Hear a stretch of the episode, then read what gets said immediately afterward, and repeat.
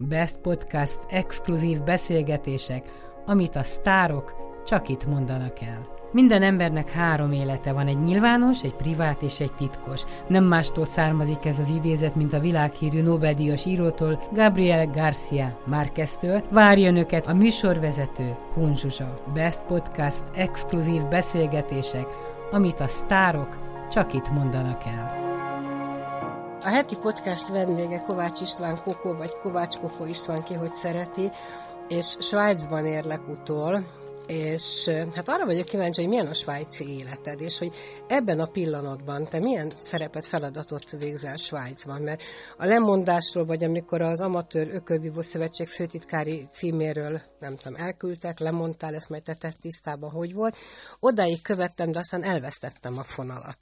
Az a kérdésed a válasz, hogy milyen a svájci élet, azt kell mondjam, hogy hát két különböző időszakról kell, hogy beszámoljak. Volt egyszer egy közel másfél év, amikor én voltam az ID főtitkára, és ez a másfél év, vagy inkább amit Svájcban töltöttem belőle egy év, az egy nagyon-nagyon stresszes, nagyon kemény, rengeteg munkával, rengeteg távolléttel, sok utazással, sok stresszel, és, és, és egyébként meg, meg nagyon-nagyon nemes és szép feladatokkal ellátott egy év volt. Aztán amikor véget ért ez a történet több okból, ebben én is egész biztos, hogy benne vagyok, én álltam másként a dolgokhoz, mint hogy mondjuk a, a jelenlegi elnök, az orosz elnök szerette volna találni nem hozzá, hanem, hanem inkább az a köváshoz akartam lojális lenni, és ez, ez nem biztos, hogy hosszú távon működött volna. Most már így látva az eltelt eseményeket azt mondom, hogy én ezt valószínűleg nem is tudtam volna így képviselni, hogy ezt ő szerette volna. És az azóta eltelt időszak, hogy ez most már nincs még egy éve, de, de durván olyan olyan kilenc hónappal ezelőtti történet, vagy tíz hónappal ezelőtti történet, hogy véget ért az IB-s megbizatásom. Azóta itt maradtunk Svájcban, mert a feleségem arra kért, hogy ha már elkezdődött a gyereknek a suli, ha már ha már kiköltöztünk, és, és annyi energiát fektettünk abba, hogy egy új életet kezdjünk itt Svájcba, akkor, akkor húzunk rá még egy évet, aztán hát ha, hát ha találok itt valami olyan elfoglaltságot, feladatot, amiért érdemes maradni, vagy ha nem, akkor meg egy évet, 50 valahány év után már megérdemlek, hogy egy picit pihenjek. Most ez a második része valósult meg, mert ugyan én visszamentem a VBO-hoz, és Magyarországon is elindult jó pár feladat az életembe. Az elmúlt 9-10 hónap ez inkább a pihenésről, a feltöltődésről, a családról és Svájcról szólt. Úgyhogy most, most, Hallom, most is éppen... igen, igen, igen, most is éppen a, a gyermekre vigyázok, amíg a feleségem elment futni. Neki is egy picivel talán több szabad ideje lett, többet tud talán magával foglalkozni, hiszen én besegítek a, a háztartásba, besegítek a gyereknevelésbe. De ennek az időszakon is hamarosan vége, mert én mondtam neki, hogy én egy évet tudok nyugdíjként elképzelni magamnak, mert aztán vissza akarok térni aktívan a, a, a sportéletbe, nem csak a védős feladataim, hanem azért egyéb feladatok még várnak rám Magyarországon is, a nemzetközi sportéletben is valószínűleg, úgyhogy lesz, lesz még bőven dolgom, de ez jót tett, ez, ez, ez kellett nekem nagyon a, a, az utáni kemény egy év után, amit az IBN-nél töltöttem, egy év pihenés megérdemeltem. Hát nagyon nehezen tudlak téged elképzelni pihenéssel, ugyanakkor amikor beszéltünk a múlt héten. Mi a baj? Nem, semmi, csak föl kellett venni természetesen a gyermeket. 13 hónapos. Tudom, Van egy 5 éves is. Igen, igen, akkor ő megy iskolába, vagy ő kezdi? Ő már iskolába jár. Én nem, ez a svájci francia modell szerint ott négy évesen kezdik a piszkult, és öt évesen már rendes iskolába jár. Tehát ő, ő úgy megyünk majd vele haza, azért is maradtunk kint, hogy a francia modell tudja majd otthon az egyik felsőliban folytatni, hogy ő már ír, olvas, számol, beszél franciául, és tehát gyakorlatilag egy egészen más oktatási metodikában kényszerítik fel őket az életre, és ez annyira megtetszett nekünk, amikor ide kiköltöztünk, hogy akkor döntöttük úgy, hogy akkor maradunk is vele még egy évet, hogy, hogy ez a francia nyelvtudás, meg ez a francia oktatás ez minél mélyebben megérintse őt, hogy amikor hazamegyünk majd Magyarországra, akkor gyakorlatilag lendületből tudja már kezdeni majd már ott a, a francia intézetben öt évesen a, a, az első osztály. Hát tudod, most akkor egy kicsit csapongok, mert az jutott eszembe, hogyha mondjuk neked az életben megadatott volna az, hogy 5-6 évesen az legyen a szüleidnek a legnagyobb problémája, hogy a kis kokó, vagy akkor még nem voltál kokó szerintem, franciául, angolul, vagy éppen mit tanul, vagy milyen iskolába jár, akkor lehet, hogy egy kicsit megkönnyítették volna az életedet. Bár a szocializmusban ez nem volt egy nagy szempont. Inkább azt mondom, hogy nem biztos, hogy ezt a karriert, sőt, biztos, hogy nem ezt a karriert futottam volna be. Az öt szinte biztos, hogy kimaradt volna, nem hinném, hogy bármilyen más sportákban motiváció hiány, hiszen nekem a motiváció az pont a, a gyermekkoromból fakadt valószínűleg a, a szülői környezet, azok a lehetőségek. Valószínűleg egészen más életutat, pályát jártam volna, úgyhogy nincs ezzel semmi baj, ez nagyon jó. Ugyanakkor azt is el kell ismernem, hogy valóban, mint minden szülő, én is lényegesen többet akarok megadni a gyermekeimnek, akik két nagyobbnak, a Bencenek és Bélnek talán már sikerült is, hogy úgy tudjanak nekilátni az életnek, hogy ne, nekik kelljen minden problémával először találkozni és ezt megoldani, ha nem is kész megoldásokat kapnak tőlem, de támogatást ahhoz, hogy ők talán könnyebben oldják meg, mint hogy ezt nekem kell. A sportra, hogy mondod, azért én emlékszem rá, a szegénységnek az egyik, egyik lehetősége volt, a kitörési lehetősége a katonaság volt, hogy elmegy katonának, és ott kap lakást, meg egy fizetést, vagy a sport volt a másik, ahol megmutathatta, hogy mit tud, és úgy, úgy volt egy kitörési lehetőség. Gondolom nálatok is az volt, mert azért nem vetett föl titeket a pénz egyáltalán. Nem, de azt is hozzá kell tenni, hogy a, amiről most beszélünk, az mondjuk a 60-70 körül született generáció, akik még úgy nőttek fel, hogy nem vették észre, hogy szegények.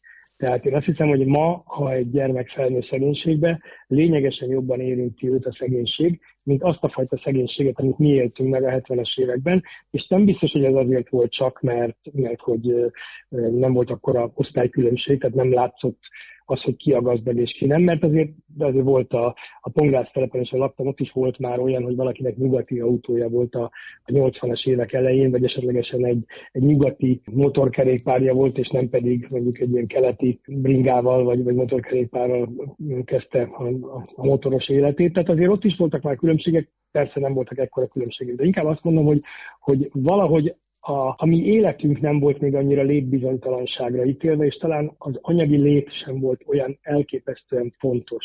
Szinte mindenki nyugodt volt és biztos volt abban, hogy munkája biztos, hogy lesz megélhetése, biztos, hogy lesz. Ennivaló az asztalra a 70-es, 80-as években biztos, hogy lesz, nem biztos, hogy narancs, nem biztos, hogy banán, de alma biztos, meg, meg friss kenyér biztos, meg Párizsi biztos, tehát, hogy ezek, és ezekkel mi beértük, és ez nekünk teljesen jó volt. E, nem tudom, hogy máshogy állt hozzá, vagy máshogy indult neki az életnek. Nekem egy másodpercig nem az volt a motiváció, hogy egyszer majd gazdag legyek.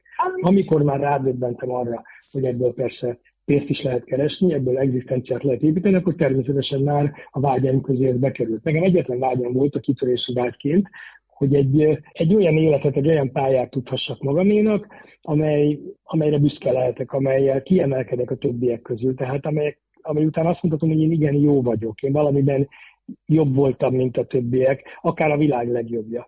És így került elém az ökölvívás, és az ökölvást ban találtam meg ezeket a lehetőségeket, de nem, nem a pénzügyi része érdekelt. Hát akkor nem is tudtunk még arról, hogy van profilkörvívást, nem is tudtunk arról, hogy egyébként még egy olimpiai bajnok, mint hogy nem is volt még akkor az olimpiai bajnokoknak járuléka. Azzal sem foglalkoztunk, hogy egyébként mondjuk a labdarúgáson kívül, mert azt, azt akkor is tudtuk, hogy a labdarúgók azért egy más kasztot képviselnek, de az, hogy a sportból meg lehet élni, vagy egzisztenciát lehet teremteni, ez nem hiszem, hogy motivált egyet. És szerintem most sem. Nem hiszem, hogy egy gyermek azért megy el vívni, úszni, kajakozni, vagy akár rökölvívni, hogy ebből egzisztenciát teremtsen. Én azt gondolom, hogy te nagyon-nagyon sokat köszönhetsz annak, hogy, hogy sportoló lettél. Tehát az élet minden területén olyan sok mindenre megtanítja az ember. Nem lehet mondja az ember a gyerekének, hogy sportoljál, és nem biztos, hogy azért, mert nem tudom, milyen kigyúrt izmai legyenek, hanem az egy szemlélet, ez, ez, egy, ez egy küzdés, ez egy vágy az életben, amit, amit mindenek felett meg tudsz valósítani.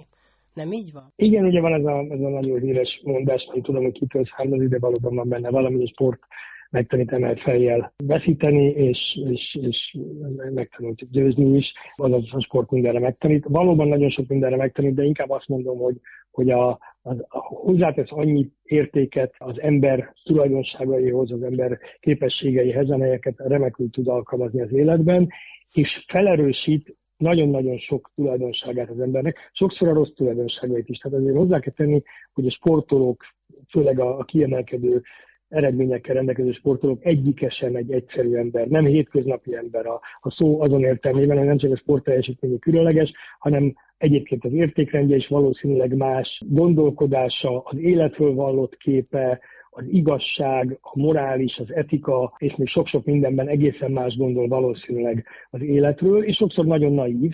A sportoló, köszönhetem annak, hogy a sportvilága, még akkor is, hogyha nem mindig így tűnik, az életnél lényegesen tisztább, igazságosabb, nem csak azért is, mert világosan értelmezhető szabályok közé van szorítva, de az biztos, hogy a, a sportnak nagyon-nagyon sokat köszön. Mindenkinek ajánlott, minden szinten ajánlott a, a sporttal való találkozás, mert csak jó dolgokat lehet tőle kapni.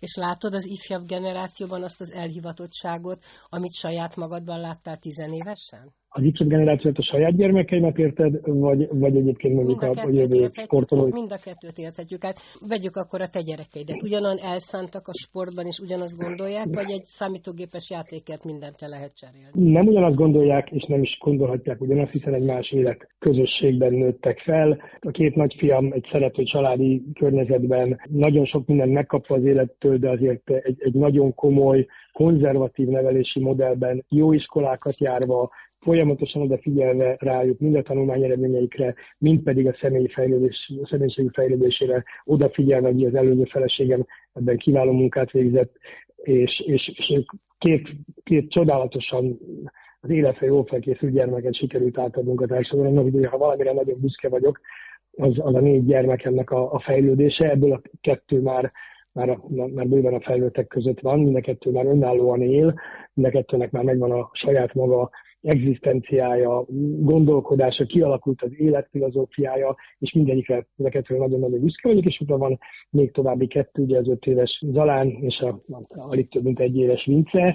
Hát előttünk még komoly feladat áll, velük is valami hasonló utat bejárni, de egyelőre jól állunk, tehát úgy tűnik, hogy, hogy ők is különleges képességekkel megáldott kis csoda gyerekek. Persze minden szülő így gondolkodik a saját gyermekéről, de mi, de mi megpróbáljuk velük is ugyanezt tudtok bejárni a, a mostani feleségemmel, amit sikerült annak idején bejárni a Bencével és a Gerivel. Na, de azért a gyerekeknél, és akkor a két nagy gyerekedre érthető, ez még csak azért azt ismered, hogy van a követő, és van, aki szemben megy a, a családi értékekkel, mintákkal, legalábbis kamaszkorban egészen biztos. Aztán elvileg megtalálják a helyes utat, és a helyes út az, amit a családtól otthonról hoztak. Tehát, hogy most akkor csak vegyük a sportot, hogy mind a két nagyobbik gyerekedet a sport fele tudtad ösztönözni, és el tudtad azt mondani, hogy mi mindent kaphatnak a sporttól? Nem hiszem, hogy kellett, vagy, vagy legalábbis nem foglalkoztunk ezzel. Tehát nem, nem, nem az történt, hogy én erőszakkal levittem őket akár a boxterembe, akár a, a, a bármilyen más sportközegbe, de ott nőttek fel. Tehát a, a Bence, aki most már az ország legkiválóbb vezetőbírója, olyan mérkőzéseken dolgozik a profilkörvívásban, amilyen magyar pontozóbíró vagy vezetőbíró még soha. Tehát ő már gyakorlatilag mondhatni a, a sportákban, sportvezetői szinten, bírói szinten már a csúcsra ért, de nem, de nem azért, mert én gyerekkorában folyamatosan erőltettem, hogy ő sportoljon, hanem azért, mert a sportban nőtt fel, ezt látta, nagyon hamar rátalált a saját sportágára, ami, ami nem bármi furcsa a két nagynál, nem az ökölvívás volt. Mindenketten gyeplabdáztak, fociztak, szeretnek most is focizni is, szeretnek edzőterembe járni, szeretnek úszni, mindent szeretnek, ami sporttal kapcsolatos, magát a sportot, mint sportfogyasztó minden téren fogyasszák, tehát szeretik nézni a focit, megvan a saját csapatuk, őrült tudnak szurkolni neki, és én azt hiszem, hogy ez itt ezzel rendben is van. Tehát egy picit sem érzem azt, hogy azért, mert ők nem lettek élsportolók, akár csak magyar bajnokok, bármit is elvesztettek volna az ő életükből. Ez egy nagyon különleges pálya, az élsportolói pálya, nem is mindenki alkalmas rá, és csak azért, mert valakinek az apukája, rokona, közvetlen hozzátartozója kiváló élsportoló volt, semmi garancia nincs arra, hogy ez bele is megtörténhet, vagy lejátszódhat, és nem is baj, hogy nem kellett végigmennünk azon az úton, hogy kiderüljön, hogy ez egyébként így alakul, vagy nem, főleg az ökölvívásban, mert azért az ökölvívásban ténylegesen csak a, a végső bajnok lehet igazán boldog a pályafutásával. Az, aki, és ebben sajnos nagyon rossz példák vannak Magyarországon, ha valakinek csak egy magyar bajnoki cím, akár több magyar bajnoki cím van, még egy picit sem jelenti azt, hogy miközben sikeres sportoló volt, ezt át tudja ültetni az életre, és ott is sikeres ember válhat belőle, vagy segít neki ez a sportolói pályafutás ahhoz, hogy sikeres ember legyen, már pedig azt én világosan értésükre adtam az első pillanattól kezdve, hogy nálam a tanulás az élet sokkal fontosabb, mint a sportolói pályafutás, mert a sportolói pályafutás az, az véget ér, durván egy ilyen 10-15-20 évet veszel mondjuk egy élsportoló életéből, és szerencsés esetben utána még hátra van 30-40, ami legalább olyan fontos, hogy arra való felkészülés, az sokkal fontosabb, mint mondjuk egy magyar bajnokságra való felkészülés, és ők ezt meg is értették, amikor, amikor pályaválasztásra került sor, akkor az élsportoló mondhatni ki lett húzva, és jött inkább a közgazdász, vagy jött inkább az üzletember, vagy jött inkább a sportdiplomata, mert azok, azok hosszabb távon sokkal sokkal jobb karriert építhető, biztosabb karriert építhető. Emlékszem, mikor beiratkoztál az IBS-re, talán az volt az első, első olyan, ahol komolyabban tanulta, hogy meg is döbbentem, hogy mit akar a Kókó az IBS-en. Van egy jó pályafutás, egy pályája, mindent elért már a sportban. Nem is értettem, aztán persze az utóéletet bebizonyított, hogy szükséged volt a nyelvtanulásra, az üzletérzékedre, tehát azért sok helyen megállod a, a helyedet, meg, meg jó talpon maradsz. Én bár, bár nem vagyok most már a, a, a bulvárban, és nem repkednek rólam a hírek, de azért én azóta elvégeztem még további két diplomát, tehát én jelenleg három diplomával és két nyelvvizsgával rendelkezem, de nem a vizsgáim határozzák meg a, a, azt, hogy mit is érek, vagy, vagy mire vagyok alkalmas, hanem inkább az, hogy én nekem ez a fajta tanulási folyamat, valóban, ahogy te is említetted, 32 éves korom után kezdődött meg, mert addig, miközben most már gyönyörűen elmondtam, hogy mennyire fontos a tanulás, és mennyire fontos készülni a sportolói pályafutás utáni életre, addig én valóban 32 éves koromig ezzel sokat nem foglalkoztam. Volt ugyan egy, egy, egy autószerelő érettségim, de hát abban biztos voltam, hogy autószerelő nem leszek, viszont 32 évesen rábőbentem, hogy most még legalább ennyi van előre, mint amennyi eddig eltelt, és arra még nem vagyok, valamilyen szinten felkészült voltam, de nem vagyok annak a tudásnak a birtokában, hogy ezt a felkészültséget, ezt én biztos alapoknak tekintsem, és ezért kellett elkezdenem a közgazdaságtannal, a nyelvekkel, az üzlettel foglalkozni, aztán persze ebből egy sportdiplomácia, lettek vállalkozások, lett egy médiakarrier, tehát sok minden más irányból elkezdtem tanulni, és sok minden mással kezdtem el foglalkozni. Furcsa, de 32 évesen pályakezdőnek lenni, ez egy, nem egy egyszerű dolog, úgyhogy, de nekem, nekem megadatott az, hogy viszont a, egy, egy nagyon nagy kredittel indultam neki, hiszen ez a sportolói pályafutás, amit én lezártam, az egy, az egy olyan erőt adott, és egy olyan lehetőséget adott számomra, amely azért segített nekem a tanulmányaim során is, vagy az élet további területén. És most is, hát most is azért beszélgetünk, mert egy eredményes sportolói karriert tudhattam annak idején magamnak, és nem pedig azért, mert én egyébként egy kiváló közgazdát lennék, vagy egy remek üzletember. Tehát nekem mind a mai napig abból van a kreditem, és ha az életemnek szinte minden egyes percét azt szödi be, hogy én annak idején olimpiát nyertem, és egy profi világbajnok lettem. De ez olyan érdekes, mert azért van jó néhány olimpiai bajnok, aki nem tudott így fent maradni, mint te. Tehát pont talán a több lábonálásodnak köszönhető, és a sikereidet kihasználva, hogy, hogy egyszerűen a kokó feledhetetlen marad, és mindig, mindig ott vagy valahol, és ez a küzdés benned maradt. Nekem, nekem lényegesen más volt a, a társadalomban betöltött szerepem, feladatom, lehetőségem, mint mondjuk egy kalapácsvető, vagy akár egy úszó bajnoknak, és ez, és ez nem biztos, hogy az én erényem, hanem talán a sportágon. Egy ökölvívó olimpiai bajnok, egy ökölvívó bajnok, az valahogy az emberekhez mindig másként viszonyul, az emberek másként viszonyultak hozzá. Ez az egyik része, a másik része, hogy pedig az én pályafutásom az végig azzal telt, hogy én mellette dolgoztam. Tehát én nem nem 32 évesen kerültem ki hirtelen a szabad piacra, és próbáltam valamiből fenntartani magamat és a családomat, akkor már két gyermekem volt, a, a Bence és a Geri, hanem én, én 92 után, például 22 évesen egészen 96-ig az Atlanta olimpiáig, én napi 4-6 órában bejártam egy informatikai céghez marketingesként dolgozni, akkor én egy 6 hónapos marketing továbbképzésre vettem részt, mert hogy én úgy terveztem, hogy a sport mellett én nekem kellenek egyéb bevételek, hogy azt az életszínvonalat meg tudjam adni a családomnak, amit én, én szeretnék magamnak is, is megadni. Úgyhogy én nekem ez a munka, vágy, vagy az, hogy én mindig dolgoztam, az végig kísérte az egész életemet.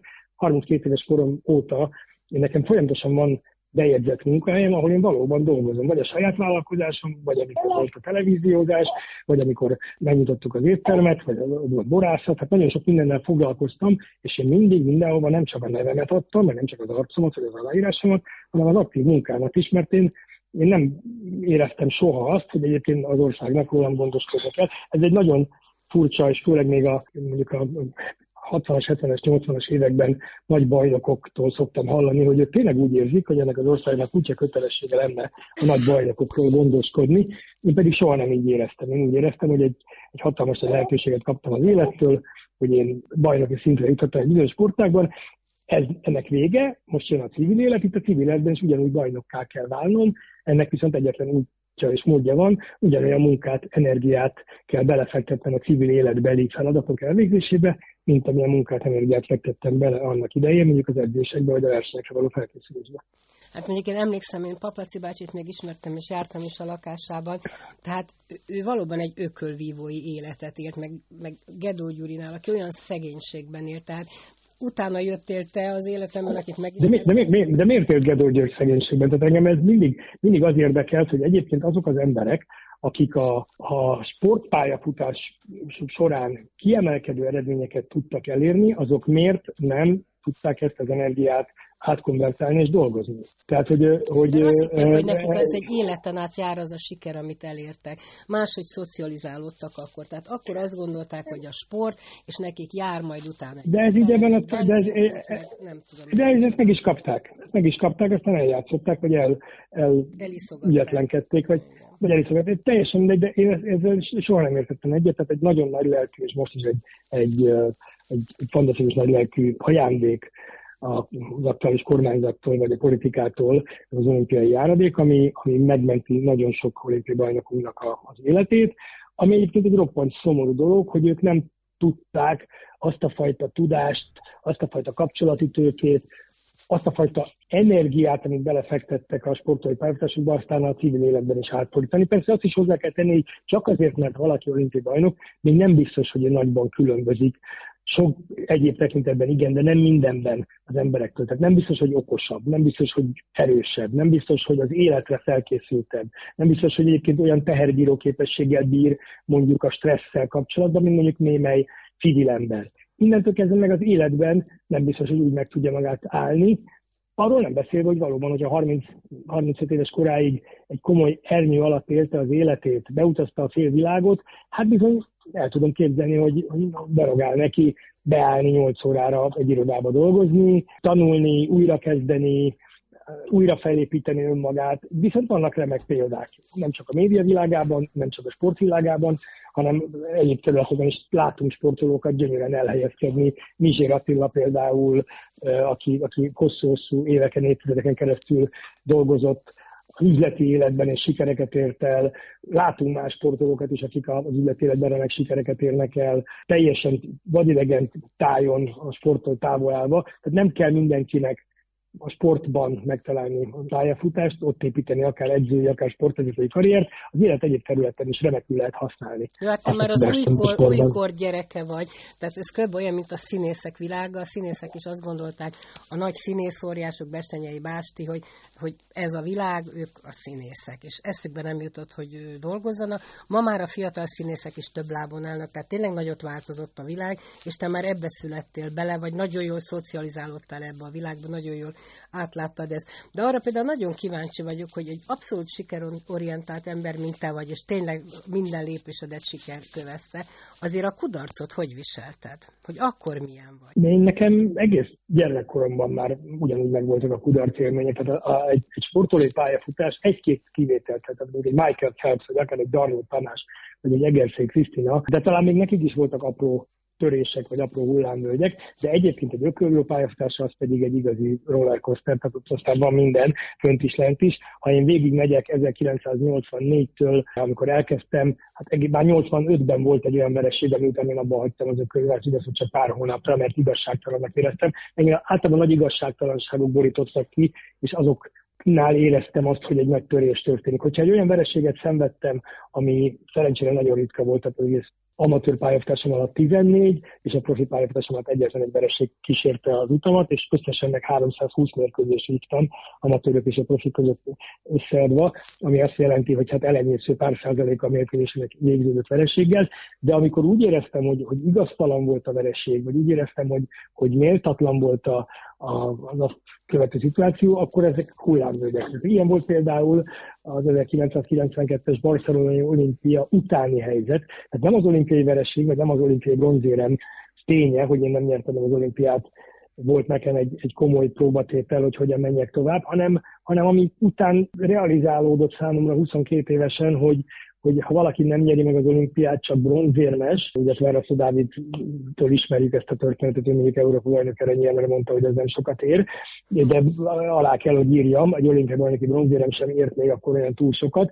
Talán a Peking olimpia segített nekünk abban, hogy ezt is helyén kezeljük, hiszen ott mindössze három aranyérmet nyertünk, és az akkor felerősítette a bronzérmek számát, de, de Barcelonában még tíz fölött volt az aranyérmek száma, és aki ott onnan bronzérem haza, az gyakorlatilag hát a hátsó lépcsőn kellett lemásznia a repülőről, és lehet, hogy borzasztó, de az is lehet, hogy nem, mert, mert vannak olyan országok, ahol, ahol nem is nagyon ekkora hype nem kap az olimpia, mint mondjuk nálunk Magyarországon. Tehát azért, ha körbenézünk a, a világ 204 IOC tagországában azért Magyarország igencsak élen van abban, hogy, hogy mennyire szereti az olimpiát, és mennyire tiszteli az olimpiai bajnokait. De azt hozzá kellett tennem, hogy nekem 22 évesen ez lelkileg egy komoly problémát jelentett, és ennek a feldolgozása, ennek a, a helyre rakása jó pár hónapot, évet vett igénybe, hogy aztán újra fel tudja képülni, hogy 96-ra már úgy menjek oda, hogy ne fordulhasson még egyszer elő az a szégyen, hogy én, én, én nem, nem olimpiai bajnokként térek majd haza. És segített ebben bárki is a, a feldolgozás? Hát, hogy a pszichológus minden hát, hogy nem. mögötted? Ja nem, nem, hát akkor még nem is volt szerintem Magyarországon sportpszichológia, a 92-ről beszélünk, tehát gyakorlatilag még mobiltelefon sem létezett, vagy, vagy legalábbis akkor indult talán semmi ilyen nem volt. Nem, hát a, volt, volt egy, egy, egy Szántócsi bácsi, a feleségem, az akkori feleségem, meg jó magam, mi hárman hittünk abban töretlenül, hogy eznek a legvége majd valamelyik bajnoki címes, illetőleg a Vasas akkori vezetője, Isten nyugosztalja messzén, ami kibácsi volt még, aki elhitte nekem, nekem meg Öcsi bácsinak, hogy higgyen nekünk, kapja meg ugyanezt a fajta támogatást, és higgyen bennünk, higgyen nekünk, hogy,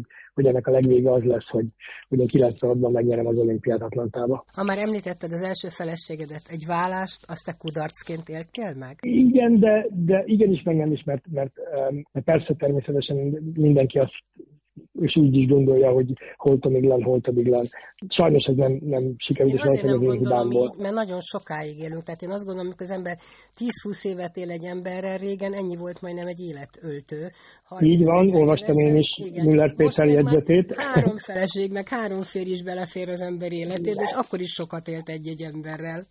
Így van, így van, de az ember mégis, eh, amikor az érzelmeiről beszél, ez a amiről te beszélsz, vagy ahogy te közelíted meg, ez a, ez, a, ez a józan gondolkodás. De amikor meg az ember érzelmileg közelít meg, és, és általában érzelmileg házasodik az ember, tehát amikor elmegy az ember a paphoz, meg elmegy a templomba, akkor abban rengeteg érzelem van, és kevés racionalitás. És amikor ezek az érzelmek megszűnnek, vagy megváltoznak, akkor az ember természetesen sajnálja, és kudarcként éli meg, nem is lehet másként megélni, hiszen valaki, valakik, mindketten, vagy akár csak én hibáztunk, hogy hagytuk, hogy így legyen.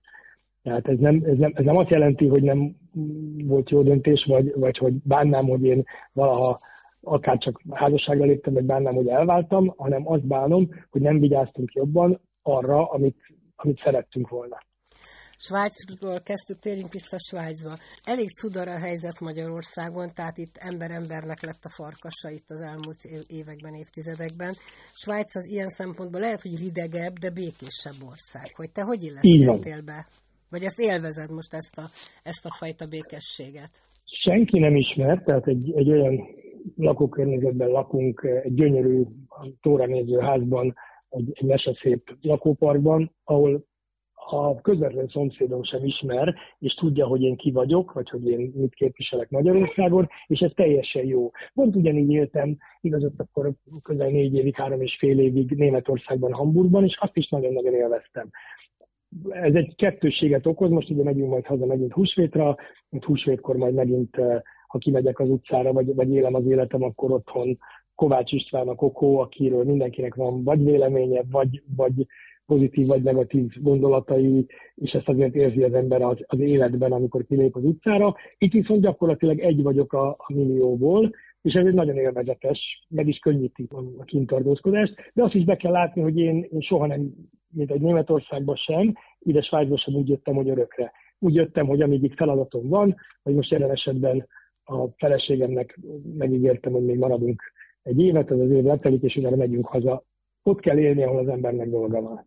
Nekem Magyarországon van dolgom. És mitől Magyarországon? Csak a sport miatt? Mert azt a nemzetközi porondon is végezheted. Mi az, ami nagyon ide húz még? Minden. Hát én magyar ember vagyok. A, a, lehet szeretni, nem szeretni Magyarországot, és lehet nagyon sajnálni, hogy, hogy nem úgy működnek a dolgok, ahogy azt annak működnie kellene, hogy nem értük még el a, a, a beígért nyugati életszínvonalat, hogy ember embernek farkas, hogy te is említetted, hogy, hogy mindenki után mindenkit, ez, ezzel lehet idegeskedni, mérgeskedni, de akkor sincs módunk lehetőség máshogy gyökeret ereszteni. Persze biztos, hogy van, aki, hontalan a szó azon értelmében, hogy, és főleg itt az új generáció számukra talán már nem annyira kötődik az élet mondjuk Magyarországhoz, ott már nem annyira röghöz kötöttek. Nekem még mindig nagyon sokat jelent átkelni az Árpád hídon, még mindig akárhányszor megyek ki Kőbányára, akár az ATV-hez, akár boxedzésre, akár bárhova, de át kell mennem kőbányára, akkor nem tudok, vagy akár megyek a Feli TV-t csinálni, nem tudok úgy menni, hogy ne a Pongrász telepen vezessen keresztül az utam, ne a Hős utca, az Ács utca, salgó út kereszteződésen keresztül menjek, mert, mert nekem az, a, az az otthonom. Én, én ott születtem, ott is fogok majd valószínűleg meghalni, és természetesen örülök, hogy egy pillanat közben megérkezett az édesanyja, és már a gyermek jelezte is. Uh-huh. Szóval nekem az, a, az az otthon, amelyen ott nőttem fel, és valószínűleg ott is fogok meghalni, és ez így van jól, és nagyon jó, hogy élhettem máshol is, nagyon jó, hogy közel száz országban, vagy talán több mint száz országban jártam, tehát láttam az egész világot, van összehasonlítási alapom, és azt is látom, hogy lehetne más országban másként, talán könnyebben, talán nehezebben élni, de nem akarok. Aztán amit mondanak, hogy azért a temetőben, ahol nyugszanak az őseitek, hát neked is nagymamát, tehát felmenőit közül nem tudom, hogy éle még valaki, de... Szerencsére édesanyám még él, de, de engem, engem inkább ez a fajta magyarság tudat, ami, és ami mindig is vezérelt, hogy amíg, amíg az ember hozzá tud tenni valamit ahhoz, hogy ez a nemzet egy kicsit boldogabban éljen, addig, addig azt, és módja van rá, addig azt meg kell tennie. Na most én, én otthon tudok segíteni ennek az országnak, és ezek mind nagy patetikus dolgok, tudom, de, de az életem erről szólt. Tehát én a Magyar Ökumenikus Segélyszervezetnél, de akár a Magyar Ökumenikus Szövetség munkájába is bármikor becsatlakoztam, bekapcsolódtam, én mindig csak tettem, mindig csak segítettem, mindig csak adtam, anélkül, hogy ezért én kértem volna bármit is, de ezt pedig hát kaptam, mert, mert ez a, nekem a, a lelki életem az annál sokkal bonyolultabb, mint sem, hogy én, én ezt, ezt el tudnám engedni, hogy én, én adhassak. Tehát amikor nekem módom, lehetőségem van, és hát kinek adjon az ember, hanem a, a saját nemzetének, a saját népének, és, és, és most remélem, hogy megint megadatik, most megyünk haza majd, majd nyáron, nyár végén, és akkor onnantól kezdve valószínűleg Magyarországon megint csak be tudok csatlakozni a magyar sportéletbe. Nagyon szépen köszönöm, nagyon szép gondolatokat mondtál, és hálás vagyok érte. Jó van, oké. Okay. Köszönöm, Ciao. Best Podcast exkluzív beszélgetések, amit a sztárok csak itt mondanak el. Minden embernek három élete van, egy nyilvános, egy privát és egy titkos. Nem mástól származik ez az idézet, mint a világhírű Nobel-díjas írótól, Gabriel Garcia Márqueztől. Várja önöket a műsorvezető Kunzsuzsa. Best Podcast exkluzív beszélgetések, amit a sztárok csak itt mondanak el.